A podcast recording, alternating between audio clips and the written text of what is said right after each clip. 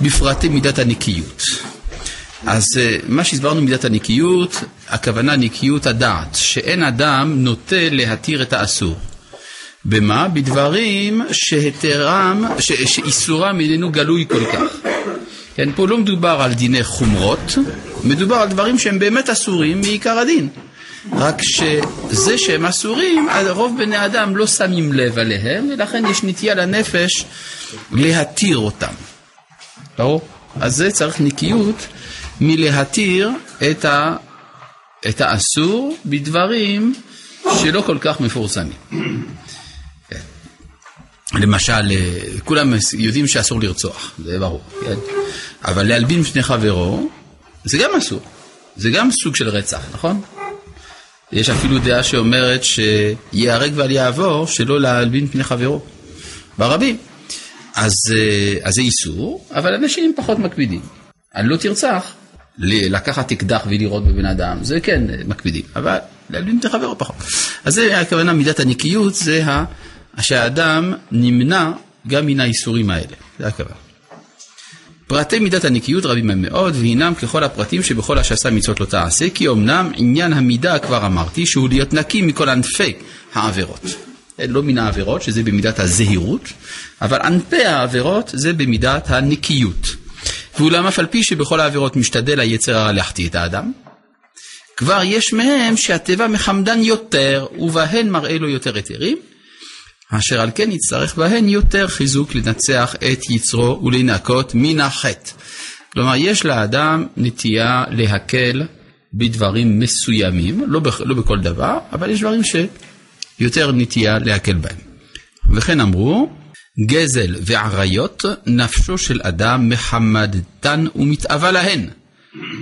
כן, זאת אומרת, לאדם יש נטייה לגזול, יש נטייה לעריות.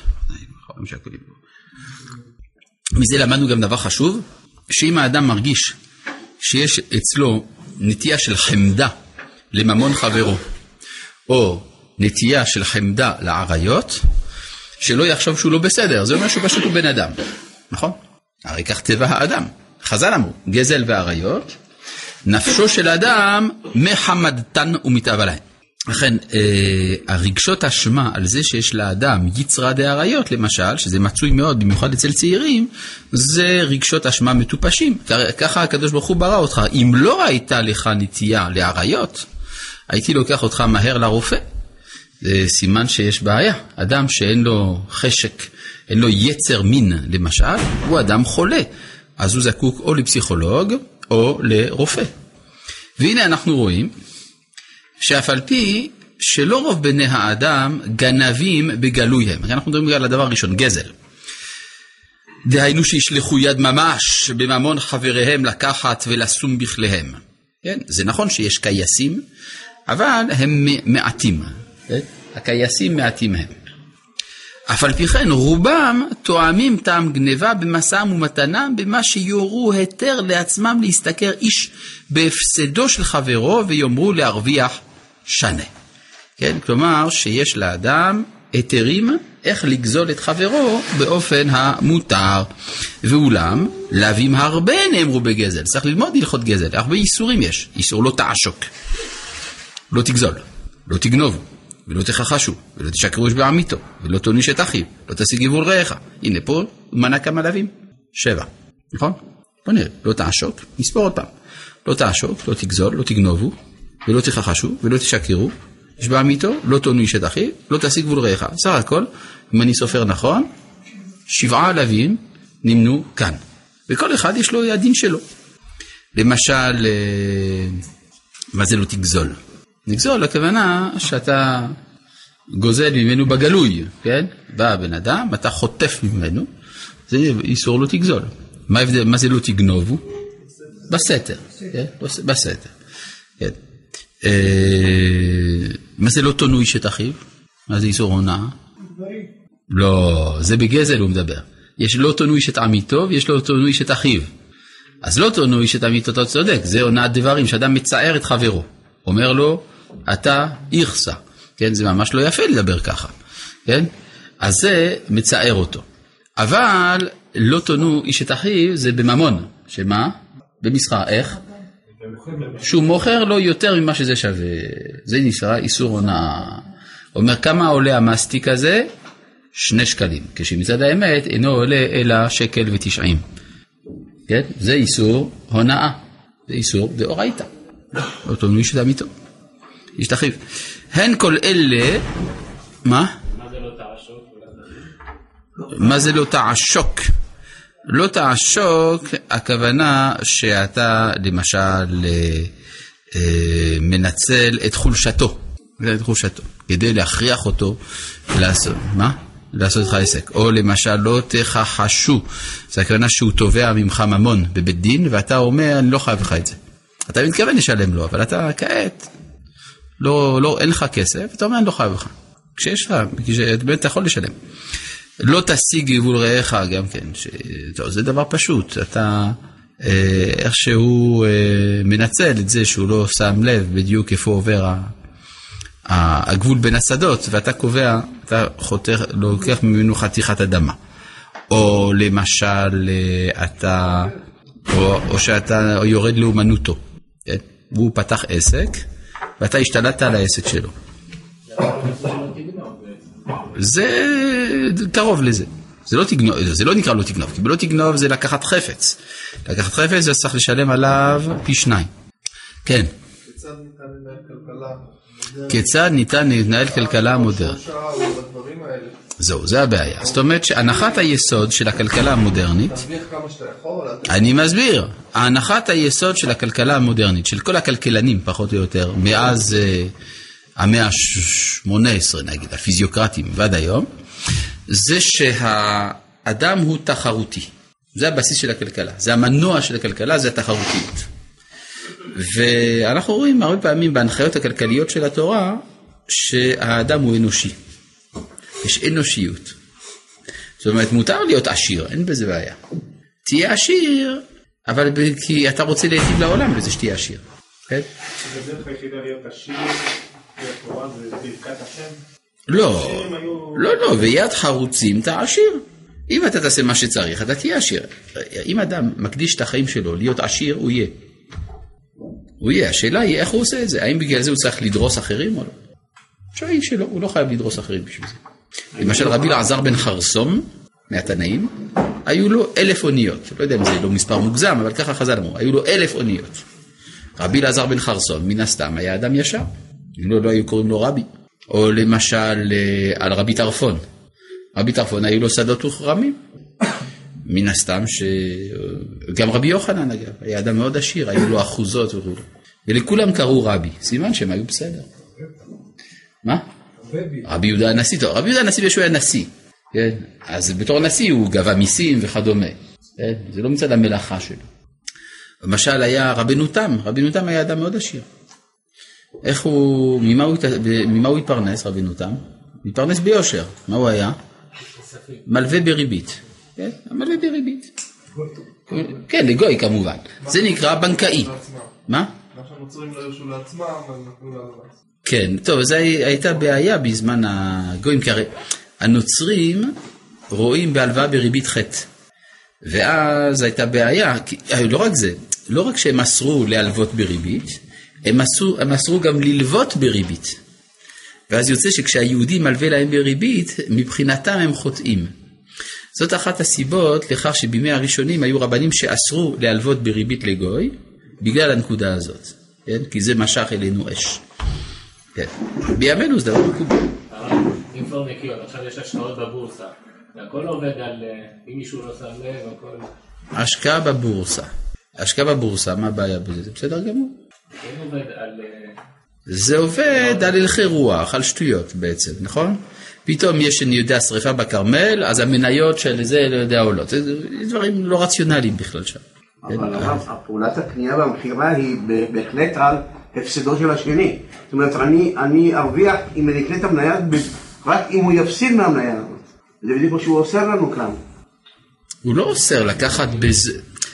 הרי מישהו שמוכר בזול, יש לו סיבה למה הוא מוכר בזול, כי הוא צריך כסף. אתה שיש לך כסף, אתה יכול. מה? בסדר להסתכל, אני יכול להגיד לאותו בן אדם, תשמע, אתה יכול למכור לפלוני. סליחה, כל מכירה היא בנויה על הכרח מסוים. אני מוכר לך עגבניות, למה אני עושה את זה? כן, כי אני צריך כסף. אם לא הייתי צריך כסף, לא הייתי עומד בבסטה, הייתי נשאר בבית, נכון? טוב, בקיצור, הדברים האלה זקוקים ללימוד. הן כל אלה חילוקי דינים שבגזל, שכוללים מעשים רבים מן המעשים הנעשים בכלל המשא והמתן המדיני, ובכולם איסורים רבים. יש אה, ספר בשם תולדות אדם, כתב אותו הרב יחזקאל פייבל משהו, לא זוכר בדיוק את שמו. וזה ספר על יהודי בשם רבי זלמן מוולוז'ין. רבי זלמן מוולוז'ין היה אחיו של רבי חיים מוולוז'ין. היה גאון צעיר שנפטר בגיל צעיר, בגיל 37, אבל היה מגאוני עולם. אז אה, לזכרו כתבו ספר עם הרבה חידושי תורה, שם מסופר שרבי זלמן אמר שהקללה העיקרית של הגלות זה שהאומה הפכה לאומה של סוחרים. ואי אפשר לעם שלם לעסוק במסחר ולהישאר ישרים. זה לא שאי אפשר להיות סוחר וישר, אבל אם כולם עוסקים בזה, אם כל האומה עוסקת בזה, אז בהכרח גם שיהיו רמאים. כולם מוכרים לכולם. כן. אז הרב, נשאלת לפי השאלה, איך אני מגיע למידת הנקיות, כשכל העולם, המציאות היא, אז בשביל זה יש הלכות. אני לא מבין, בשביל זה יש הלכות. כלכלה חדשה. לא, לא עניין של כלכלה חדשה, פשוט תלמד הלכות, יש הלכות. אני, מכיר אנשי עסקים שעוסקים בסכומים לא קטנים, והם שואלים שאלות בהלכה על לגבי המסחר שלהם. האם מותר להם לעשות מה- מה- מהלך כזה או אסור להם? ותאמין לי שהם מרוויחים טוב. רק הם שואלים, האם פה זה לא רמאות, האם פה זה בסדר, האם זה... כן? אם אני מוכר עגבניות, מותר לי להגיד העגבניות שלי יותר טובות משל פלוני? האם מותר לך להגיד העגבניות שלי יותר טובות משל פלוני?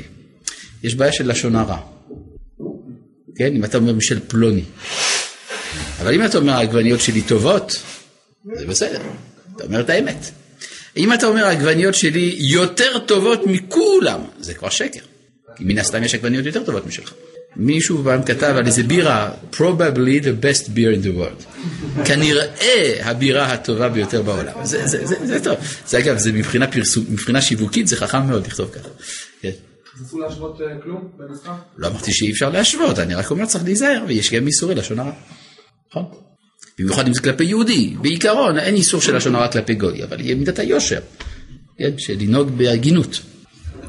טוב, אז אה, כי לא המעשה הניכר ומפורסם בעושק ובגזל הוא לבדו האסור, אלא שכל כל שסוף סוף יגיע אליו ויגרום אותו, כבר הוא בכלל האיסור, ועל זה אמרו זיכרונם לברכה, ואת אשת רעהו לא טימא.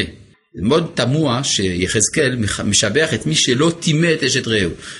טמא אשת רעהו זה מהאיסורים החמורים. אז מה יחזקאל מדבר? שלא ירד לאומנות חברו. מעניין אגב, שהאומנות של האדם, דהיינו המקצוע שלו, זה כמו אשתו. כמו שאדם מחבב את אשתו, יש לאדם חיבה אל המקצוע שלו. כן? יש מי שאצלו, אשתו זה רק כמו המקצוע שלו. זה בעיה. אבל אה, לא, בפשטות הכוונה שהאדם חי מן, ה, מן המלאכה שהוא עוסק בה. זה לא דבר של מה בכך. יש ביטוי בחז"ל שלעולם יעבוד אדם עבודה זרה ואל יזדקק לבריות.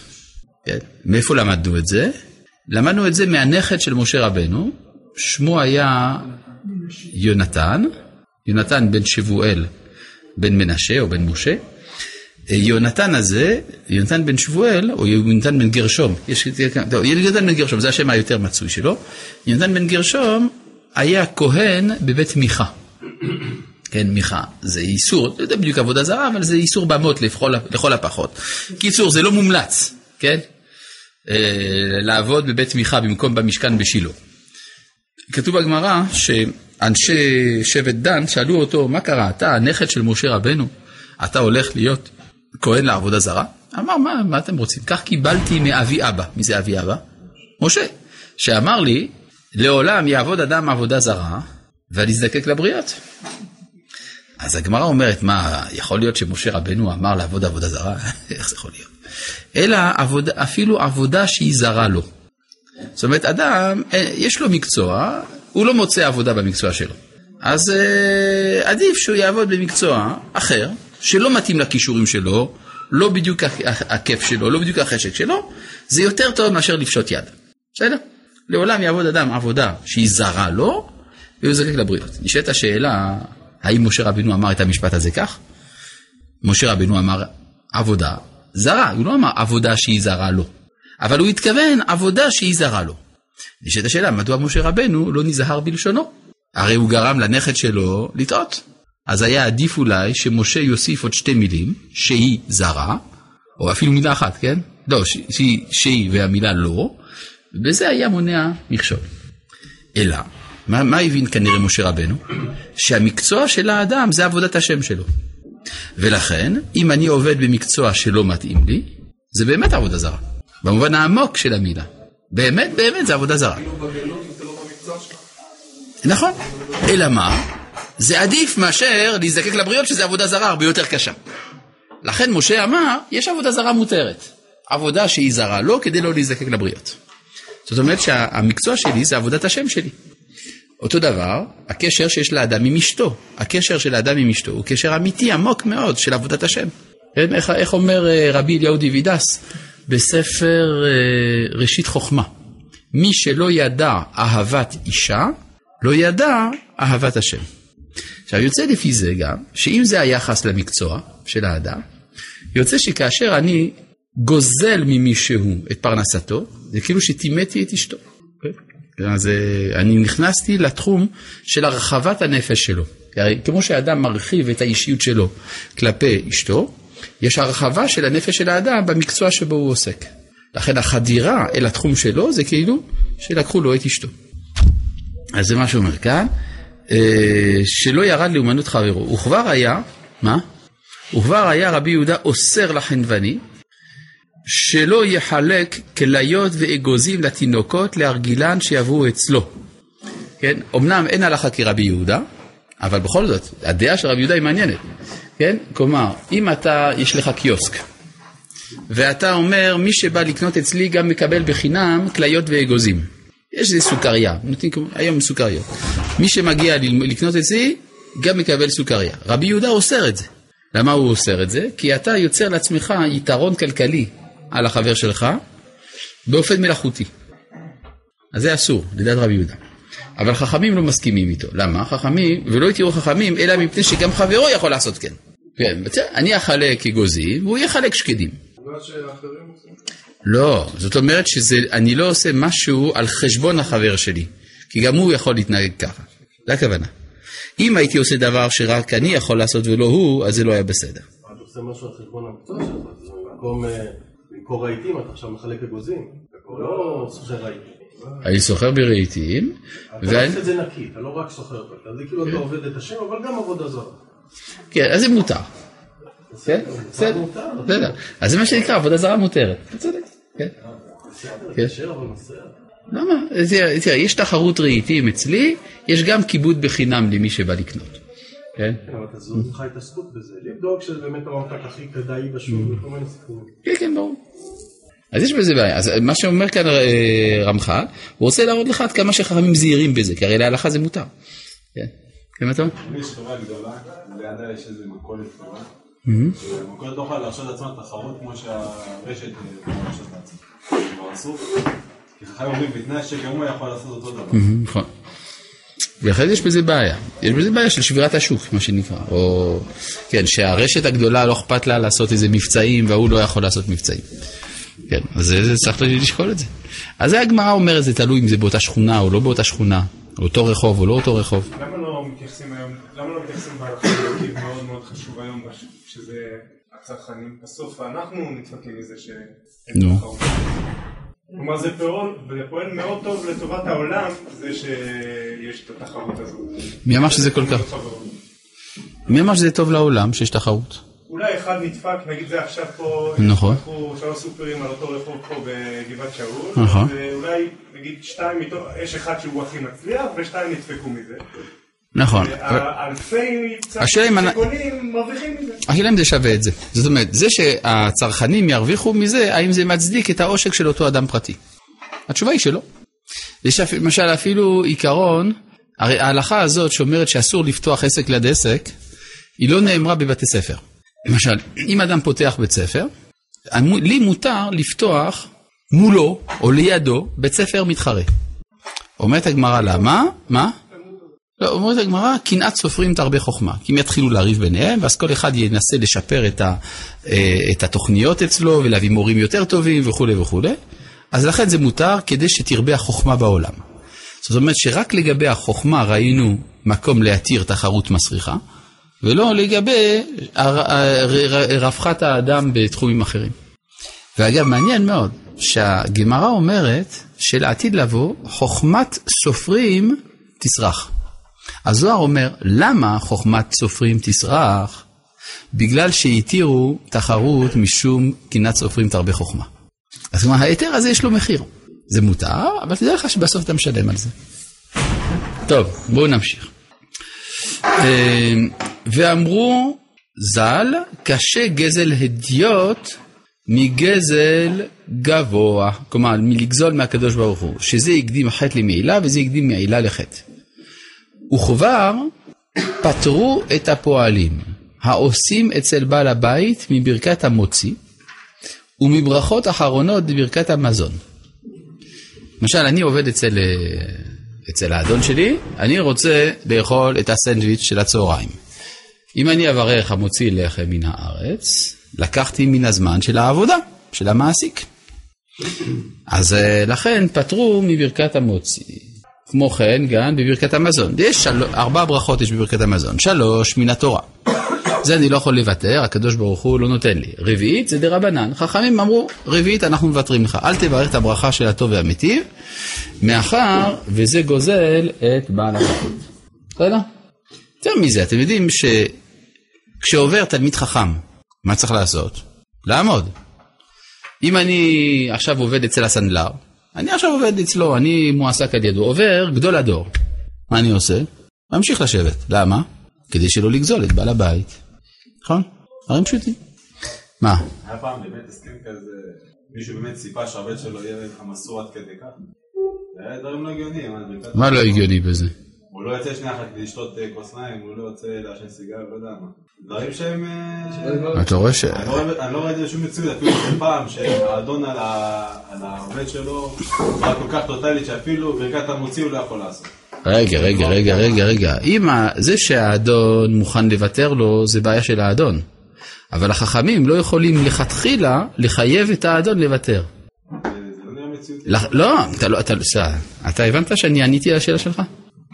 לא הבנת שאני עניתי על השאלה שלך. זאת אומרת, החכמים, הם באים להסביר לך שממון חברך זה יקר. עכשיו, זה שהמעסיק שלך מותר לו לוותר, ואולי אפילו כדאי לו לוותר, כדי שהעובדים יהיו מבסוטים, בעיה שלו.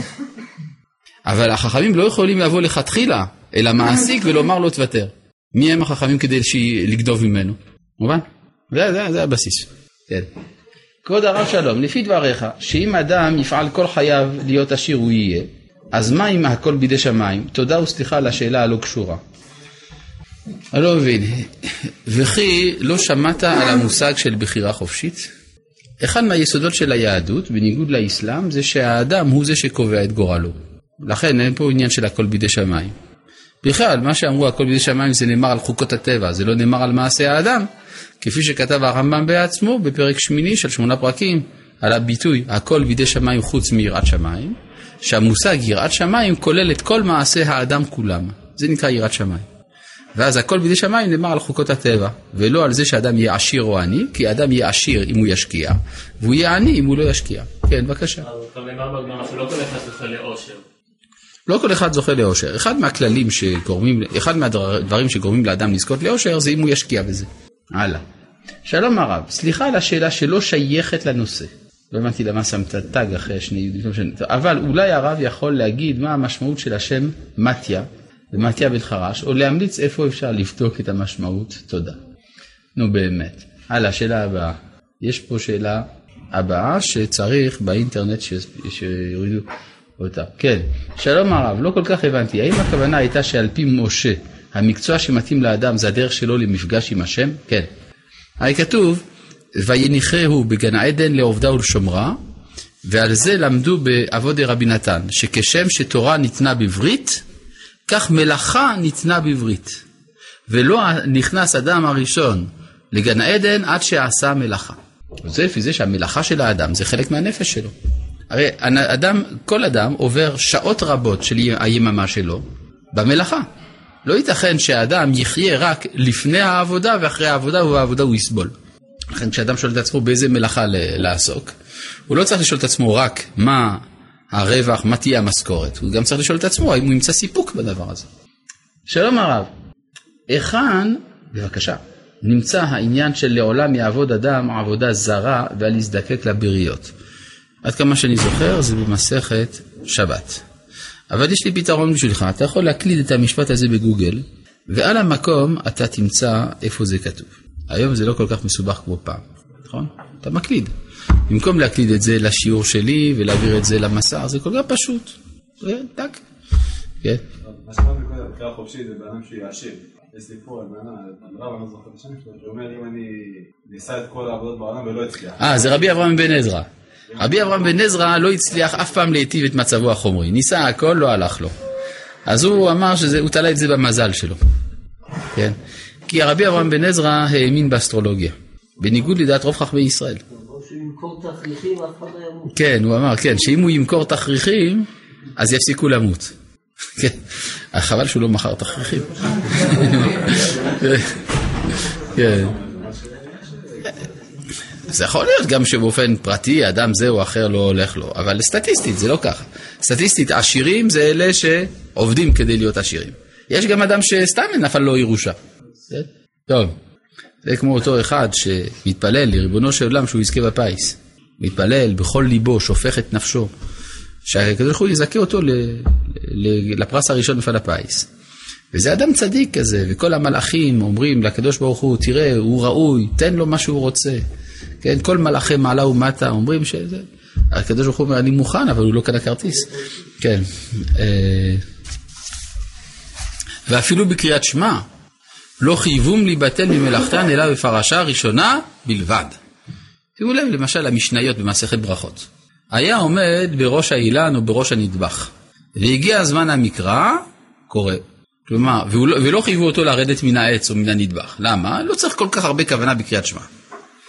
ואז אה, אחר כך הוא יור... מגיע זמן התפילה, יורד וקורא. כי תפילה זה, דורש יותר, אה, יותר ריכוז, ולכן הוא צריך לעשות את זה על הארץ. אבל קריאת שמע, אם הוא על העץ זה בסדר. אה, מעניין ההלכות של פעם. טוב.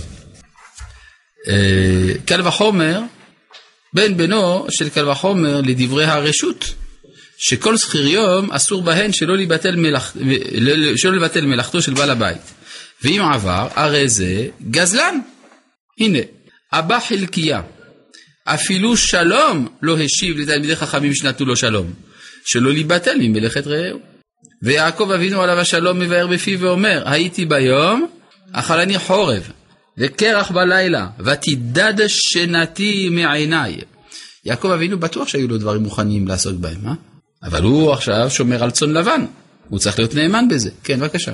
מה זה המלאכת שבו מתכוון שלא רצה אה, לבטל אבא חזקיה? אבא חזקיה? מי זה?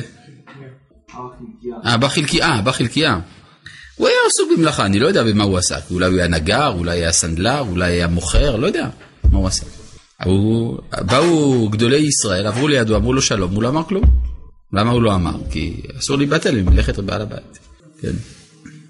מה יענו אפוא העוסקים בהנאותיהם בשעת מלאכה, ובטלים ממנה, או כי יעסקו בחפציהם, איש לביצעו. אתם רוצים להביא דוגמאות מודרניות?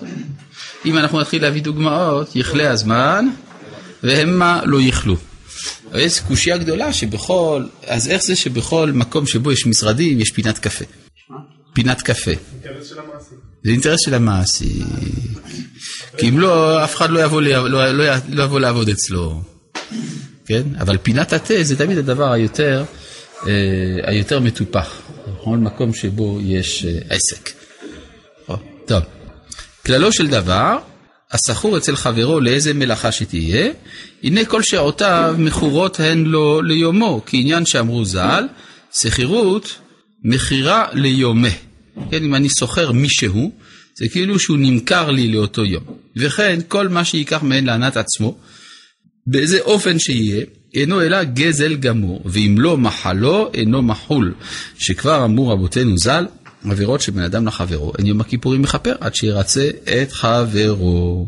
בסדר? כן, מה הבעיה? בכל, בכל מקום עבודה יש מין הסכמים אה, לא כתובים. ברגע שזה הסכם לא כתוב, זה בסדר, מה שנקרא מוסכמה. אבל המוסכמה היא צריכה, היא צריכה בדיקה. כלומר, שאחד למשל מתקשר לחוץ לארץ מן העבודה שלו, כן? והוא אומר, לא, המעסיק שלי אה, זה, זה בסדר, הוא מסכים. הראיה זה שהוא שם לי קו טלפון שיכול להתקשר לחוץ לארץ. אז מה אם דיברתי שלושת רבעי שעה עם, ה... עם, ה... עם הבן דוד שלי שם, כן? אז ברור שהדבר הזה צריך בירור. כן, אחד אומר, לא, אני רוצה לצלם אה, במכונת צילום. בטוח שהמעסיק שלי מסכים. כן, וזה הופך להיות אלפי שקלים, לא עשרות אלפי שקלים בחודש. כן, שלהם זה בסדר. אני אומר, זה, זה נכון שיש מה שנקרא מוסכמה לא כתובה, אבל צריך להיות בטוח שזאת מוסכמה מקובלת. טוב. אה, אבל אם באמת זה, הוא לא מוחל, אז עבירות של בן אדם לחברו, אין יום הכיפורים מכפר, עד שירצה את חברו. ולא עוד, אלא שאפילו אם עשה מצווה בזמן מלאכתו. מה, מה אתה בא אליי בטענות? אני עשיתי מזה מצווה. אני דווקא התרמתי אנשים אה, לילדים במצוקה. זה נכון, זה לקח לי שעתיים מן העבודה, אבל זה היה מצווה. סך הכל אני... זה לא בשבילי, אני לא לוקח גרוש על זה. כן? אז זהו, לא לצדקה תחשב לו, אלא עבירה היא בידו, שאין עבירה מצווה. וקרא כתיב, שונא גזל בעולה. כן, זה כמו אדם שלקח אה, גזל בהמה והקריב אותה לעולה. זה לא... וכעניין זה אמרו ז"ל, הרי שגזל שאה חיטים וטחנה והפאה, הוא מברך. אין זה מברך, אלא מנאץ. תכתיב ובוצע ברך ניאץ השם. ועל כיוצא בזה נאמר, אוי לו לזה שנעשה סניגורו קטגורו, וכמאמרם ז"ל, בעניין לולב הגזול. והדין נותן, כי הרי גזל חפץ גזל, וגזל זמן גזל. טוב, זה מושג קצת חדש בהלכה, גזל זמן. כן? אם אני גוזל את זמנו של חברי, האם אני גם כן נקרא גזלן? אז לא חייבים על זה מדין לא תגזול, כלומר לא, זה לא נתבע בבית דין וכדומה, אבל זה אותו עיקרון. מה, ש... מה גוזל את החפץ ועושה בו מצווה נעשה סנגורו קטגורו, אף גוזל את הזמן ועושה בו מצווה נעשה סנגורו קטגורו. ואין הקדוש ברוך הוא חפץ, אלא באמונה. מה זה אמונה פה? נאמנות, נאמנות, זה הכוונה. וכן הוא אומר, אמונים נוצר השם, ואומר, פיתחו שערים ויבוא גוי צדיק שאומר אמונים, ואומר, עיניי בנאמני ארץ לשבת עמדי, ואומר, עיניך הלא לאמונה. וזאת אומרת שסוגיה שהביטוי אמונה פה זה בניגוד למקובל בנצרות למשל, שהאמונה זה להאמין בשם. זה לא, כש, בדרך כלל כשכתוב אמונה בתנ"ך, הכוונה נאמנות. כן, איש אמונה זה אדם נאמן. באמונה הם עושים. כי באמונה הם עושים, נכון, יפה. לא בהקרבה ירושלים, אלא שפסקו בעלי אמנה. בדיוק, בעלי אמנה, אנשים נאמנים. כן, בבקשה. לא יכול לברך על הדבר הזה. נכון. גם אם זה הגיע למצב שהוא במצב רעב טוטאלי, זה... אם אדם נמצא במצב של פיקוח נפש, אז פיקוח נפש דוחה כל התורה, משהו אחר. אז אם אדם הגיע למצב שהוא צריך לאכול דבר האסור, בגלל פיקוח נפש, אז גם יברך על זה. נגיד אדם נמצא במצב של סכנת נפשות, וכל מה שיש לו לאכול זה בשר סוס. מברך או לא מברך? מברך, ברור. מה הוא מברך אגב? אפשר להגיד שהוא מברך שהכל, אפשר להגיד שהוא מברך ברוך אה, מתיר אסורים. כן. נו, זה חדש לך? לא, זה לא חדש, זה דבר ידוע, שכשיש סכנת נפשות, אז מתירים דברים אסורים. דבר פשוט. ואף איוב העיד על, יש שאלה באמת, אם אני נגיד במצב שמפני פיקוח נפש אני צריך לאכול בשר סוס, האם מותר יהיה לאכול את גיד הנשה של הסוס או לא? מה? זה מחלוקת רבי יהודה וחכמים. רבי יהודה אומר שגיד הנשה אסור גם בבהמה טמאה, וחכמים אומרים שבבהמה טמאה אה, התורה לא אסרה. כי ממילא היא אסרה לאכול את הבהמה. לכן אין צורך להוסיף את האיסור הזה. מה רבי יהודה אומר? כן, לכן אם כבר הגעתי למצב שאני אוכל מהבהמה הטמאה, אז מותר גם גיד הנשה לאכול. זה לא שאלה אם פיקוח נפש זה לא? לא, לא, זה לא קשור לזה. זה פשוט השאלה האם האיסור של להגיד אנשה אצלנו זה ממשה רבנו או מיעקב אבינו. כי הרי בימי יעקב היה מותר לאכול סוס, אבל אז היה אסור לאכול גיד אנשה. אז סביר לומר שנאסר לבני יעקב גם לאכול מגיד אנשה של סוס. כן? וחכמים אומרים, זה דעת רבי יהודה, וחכמים אומרים, ניתנה תורה ונתחדשה הלכה. כן, עיין שם בדברי הרמב"ם, בפירוש המשנה, שהעריך בדבר. בשר וחלב גם? אה, לפי זה בשר בחלב. האם משל בשר חזיר בחלב זה מותר או אסור? כלומר, האם זה אסור משום בשר בחלב? נדייק. ההלכה היא, לפי דעת רוב הפוסקים, שזה מותר. אין בזה איסור בשר בחלב. לגבי, לכן מי שאומר, תראה, הוא אכל בשר טרף עם גבינה, אז מה? עם גבינה לא מוסיף כלום. אולי אדרבה, מיעט באיסור. טוב, כן. זה שאיסור גזל הופך להיות משהו כמו לשון הרע, הוא מקיף אותי מכל הכיוונים. נכון, נכון. צריך להתהלך באיזה תחושה. לא, צריך פשוט, לא, לא צריך להתהלך בתחושה מפחידה, חס ושלום, חס וחלילה. בוודאי, אתה כמעט כל דבר שאתה הנה, השאלה שלי עכשיו היא שאלה מטופשת, אני עושה גזל זמן לכל השאלה. לא, לא, זה אם אתה תשאל שאלה מטופשת, הרי זה בשביל זה שיעורים. כן, השיעור זה כדי שאנשים ישאלו שאלות. עכשיו, כל שאלה היא בהגדרה מטופשת, למה? כי יש לה תשובה. כלומר, אם היית יודע את התשובה, לא היית שואל את השאלה, נכון? אז זאת אומרת, אז, זה בסדר, זה בסדר, בשביל זה יש שיעורים. אסור להתעל... עכשיו, מתי אדם יוצא מן הפחד הזה שאתה מדבר עליו? כשהוא לומד. כשהוא צריך ללמוד. כי תאר לך אדם שמעולם לא שמר שבת, והוא מחליט לשמור שבת, ולפני השבת הראשונה הוא עובר על הלכות שבת. אתה יכול לתאר לעצמך באיזה מצב נפשי הוא ייכנס. כן, הוא, הוא יעדיף אולי אפילו לקחת כדור שינה, לישון 24 שעות כדי לא, בוודאות לא לעבור על שום איסור שבת, נכון?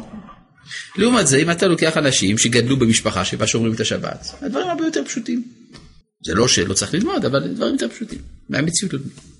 כן. סיפור שלמשל, שמעתי ש... פעם על בעלת תשובה שהתארחה בשבת אצל איזה משפחה ולפני נטילת ידיים ביקשה שישאילו לה טבעת כדי לשים בפה לפני נטילת ידיים. הגיוני, לא? היא ראתה שכולם, לפני שנוטלות ידיים, מוציאות את הטבעת, נכון? כדי שלא תהיה חציצה, שמים בפה. אז לה לא היה טבעת, היא ביקשה שישאילו לה טבעת, שים בפה. כן. זה מצחיק אתכם? למה לא? מה הבעיה בזה? זה מעשה שהיה. מעשה שהיה, כן. בסדר. אה, ואף איוב העיד על עצמו ואמר, אם תיטה אשורי מיני הדרך, ואחר עיניי הלך ליבי ובכפיי, דבק מאום. והבט יפי המשל הזה. כי דימה, מי? איוב, הגזל הבלתי נגלה, כדבר המתדבק ביד האדם. שאף על פי שאין האדם הולך לכתחילה ליטול אותו ונשאר דבק מאליו, סוף סוף בידו הוא. כן הדבר הזה, שאף שלא יהיה האדם הולך וגוזל ממש, קשה הוא שיהיו ידיו ריקניות ממנו לגמרי. אמנם באמת כל זה נמשך ממה שתחת היות הלב מושל בעיניים, שלא יניח להיות נעים להם את של אחרים, העיניים מושכים את הלב לבקש היתרים על מה שנראה להם יפה ונחמד. על כן אמר איוב שהוא לא כן עשה ולא הלך ליבו אחר עיניו, על כן לא דבק בכפיו מאום. כן, הוא קושר את סוף הפסוק בתחילתו, שהוא לא הלך אחרי עיניו, כלומר כן אחרי סברתו, ולכן הוא גם זכה שלא דבק מאום של גזל בכפיו. עד כאן לגבי הגזל.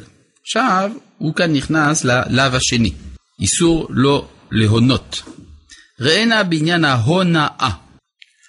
כמה נקל הוא לאדם להתפתות ולהיכשל, כאשר לכאורה ייראה לו שראוי הוא להשתדל לייפות סחורתו בעיני האנשים, ולהשתכר ביגיע כפיו לדבר על לב הקודה למען יתרצה לו, ויאמר על כל זה יש זריז ונזכר, ויד חרוצים תעשיר. אמנם אם לא ידקדק וישקול מעשיו הרבה, הנה תחת חיטה יצא חוח. כי יעבור ונכשל בעוון ההונאה, אשר הוזרנו עליה לא תונו איש את עמיתו. ואמרו ז"ל, אפילו לרמות את הגוי אסור. כן, תגיד, אה, אחיו, כתוב, לא תונו איש את אחיו, אחיו זה יהודי. עמיתו זה כבר אפילו הגוי, נכון? אפילו לרמות את הגוי. וקרא כתיב, שארית ישראל לא יעשו עוולה ולא ידברו חזה ולא יימצא בפיהם לשון תרמית. מה זה לא להונות את הגוי? למשל אתה אומר, הוא היה צריך להחזיר לי, נתתי לו כסף, הוא היה צריך להחזיר לי עודף, יחזיר יותר ממה שצריך. מותר או אסור להשתמש? זה טעותו של גוי. מה אתה אומר? מותר? מה? טעותו של גוי זה מחלוקת. יש מתירים, יש אוסרים. כן? אבל לרמות אותו, זה אסור. כן? לכתחילה אתה עושה כדי שיחזיר לך יותר, זה אסור. אגב, גם טעותו של גוי, כתבו, כתב בעל באר הגולה, שרבים חשבו להעשיר בטעותו של גוי, ונמצאו מפסידים. על כל פנים, זה לא ראוי. דעת הרמב"ם שזה גם אסור. כן. וכן אמרו, אין מפרכסין את הכלים הישנים שיראו כחדשים. אתה מוכר סירים ישנים, כן? ואתה עושה אותם, אתה מפרכס, דהיינו משפשף אותם, כדי שהקונה יחשוב שהם חדשים. אז זה אסור. אבל אתה יכול לשפשף אותם ולכתוב על זה כלים ישנים. זה כן. אם אתה כותב שזה כלי ישן, אז בסדר, כדי שאתה תהנה, פרקסתי לך את זה. זה בסדר. כן? כי הסיפור המפורסם, שיש אדם שהגיע ללא כלום, לא שום דבר בכיס, הגיע לניו יורק. כל מה שהיה לו זה תפוח. אבל הוא בסוף נהיה עשיר מאוד. שאלו אותו איך עשית את זה. פשוט לקחתי את התפוח, שפשפתי אותו, הוא היה נראה כל כך טוב, קנו אותו ביוקר וקניתי עם זה שני תפוחים לא כל כך מבריקים. הברקתי אותם, ואז עם השני תפוחים האלה קניתי ארבעה תפוחים. נו ואחר כך, אה, קיבלתי ירושה גדולה. כן. אה, כן. כן. באופן שזה מרמה. אסור, לי, מותר לייפות, אם אתה מודיע, זאת אומרת, אם אתה, יש אחד הוא מוכר לידך סירים חדשים באמת. לך יש סירים ישנים, אבל אתה פרקסת אותם, הם נראים חדשים. אז אנשים קונים אצלך כי הם חושבים שאתה מוכר חדש. מה? כל הפלסטיק של ימינו, אתה למצוא... מה הפלסטיק של ימינו? נראה לך צעצוע יפה וזה פלסטיק, שתי דקות התעסקת איתו, נשבר בעיניים. זה אומר, זה כאילו חלק מה... לא על זה הוא דיבר עכשיו. הוא דיבר על ישן שאתה עושה אותו כאילו חדש. אה, כן, אם אתה מייפה משהו שהוא נראה כזה טוב, אז אה, כן, לא בסדר. או למשל, אין מערבין פירות בפירות, אפילו חדשים בחדשים, ואפילו שאה בדינר. ואפילו יפה דינר הוא תריסית, שזה מעט הפרש. לא יערב אם קרם שאה בדינר. כל עושה אלה, כל עושה עוול. קרוי חמישה שמות, עבל, שנוי, משוקץ, חרם, תועבה. וואו, החמירו, אה?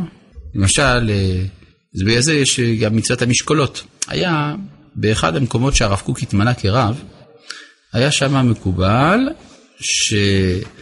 שהרב מקבל את הרווחים ממכירת המלח במכולת. היה כלל כזה. ואחד, חלק מהמשכורת של הרב, זה שמה שמוכרים את המלח במכולת, אז בעל המכולת לא מרוויח מזה כלום, את הרווח הוא מעביר לרב. עכשיו, באותם הימים זה לא היה כמו בימינו, שיש אריזות מסודרות, אלא היו שוקלים את המלח. היו שוקלים. והבעיה היא שהמשקולות הן משתפשפות, או הן סופגות לתוכם אה, חומרים, ואז זה משנה את המשקולת. אז הרב קוק אמר, אני מוכן לקבל את התשלום הזה, רק אם יחליפו את המשקולות למשקולות של זכוכית, שמשקולת זכוכית היא לא משתנה. לא הסכימו, אז הרב קוק אמר, אז אם ככה אני לא מקבל את הכסף. הרב, למה פירות חדשים בחדשים זה אסור? כן, אפילו חדש בחדש אסור. למה? מה? למה? זה אותו תפוח, זה אותו שקט. לא, זה סוגים שונים. יש לך פירות כאלה ופירות כאלה. אה, קיבלת משלוח של פירות חדשים ויש עוד פירות חדשים ואתה מחליף ביניהם. זה לא, אבל תמיד יכול להיות שיש איזה הפרש קטן ביניהם. זה הכוונה. לכן, כל עושה אלה, כל עושה עוול, קראו חמישה שמות, עוול, שנוי, משוקץ, חרם, תועבה. כן.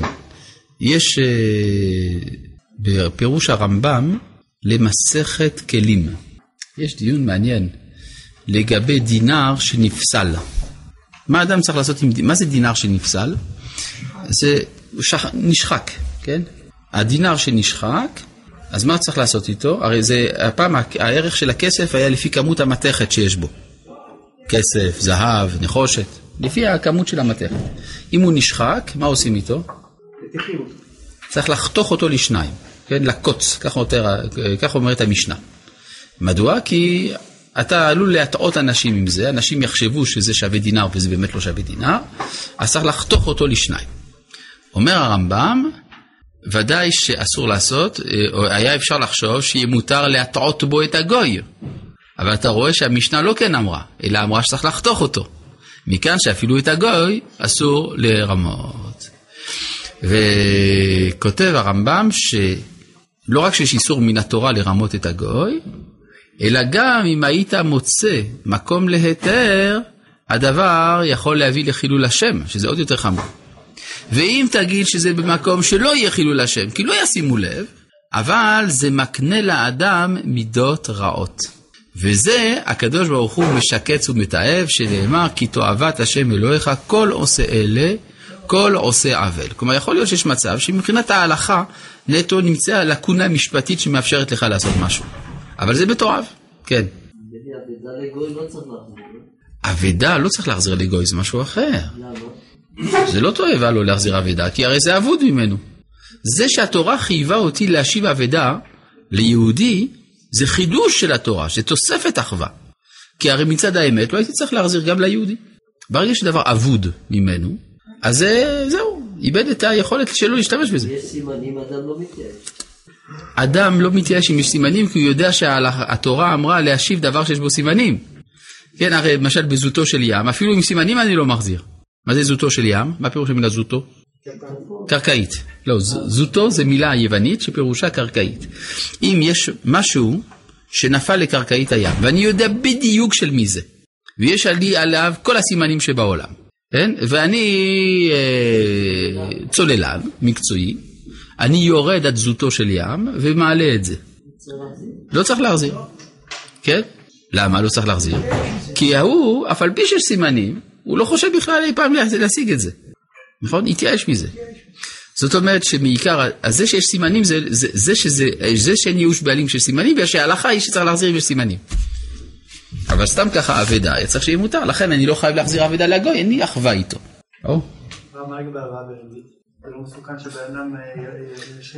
הלוואה בריבית זה דבר מוסרי לחלוטין. מישהו נמצא במצוקה, הוא זקוק בדחיפות למיליון דולר.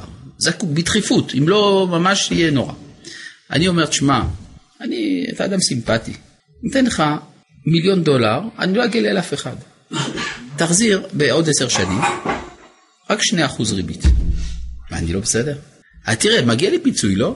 אתה, במיליון דולר הזה אני לא יכול להשתמש, במשך עשר שנים אני לא יכול להשתמש. מה כבר ביקשתי ממך? פיצוי קטן, שני אחוז ריבית. נו, לא שווה. ומי שעושה את זה לא קם לתחיית המתים. אתה מבין איך שהתורה פה החמירה? זאת אומרת, זה הלוואה בריבית, זה דבר הגיוני. אני מבטל את הממון שלי, מגיע לי פיצוי. מה? הכסף, לכסף בעצמו יש ערך. מה? הכסף עצמו יש לו ערך מסוים. גם בסחורה זה ככה, למשל אני, אני, אתה זקוק לקילו סוכר, יש לך פתאום מסיבה גדולה, צריך לעשות עוגות, פתאום מכולת סגורה, אתה בא אליי, אפשר לקבל קילו סוכר, אין בעיה, רק תחזיר עם זה גם תפוח, נכון? איסור ריבית, לא קם לתחיית המתים. אז איך התירו... מה, היתר עסקה? היתר עסקה זה לא ריבית. היתר עסקה זה עסקים משותפים, זה בסדר. טוב. אז מה ש... אה, מה הם עושים הקתולים? לא יודע, בעיות שלהם, יסתדרו עם זה. יש מחזה מעניין, הסוחר מוונציה, מאת וויליאם שייקספיר, על הלוואה, הכל שם סובב מסביב לאיסור הלוואה בריבית. מה? אה, זה מחזה אנטישמי. האמת היא, לא כל כך ברור האם זה באמת מחזה אנטישמי. יש שם גם צדדים שם של הגנה על היהדות. כן, אבל טוב. אז למה כל כך החמירו בין יהודי ליהודי? אה, למה התורה החמירה בין יהודי ליהודי? כי התורה רוצה שתוותר לאח שלך. שאתה תנהג כלפי אחיך לא לפי שורת הדין. זה הכוונה. טוב, עד כאן להיום. שלום.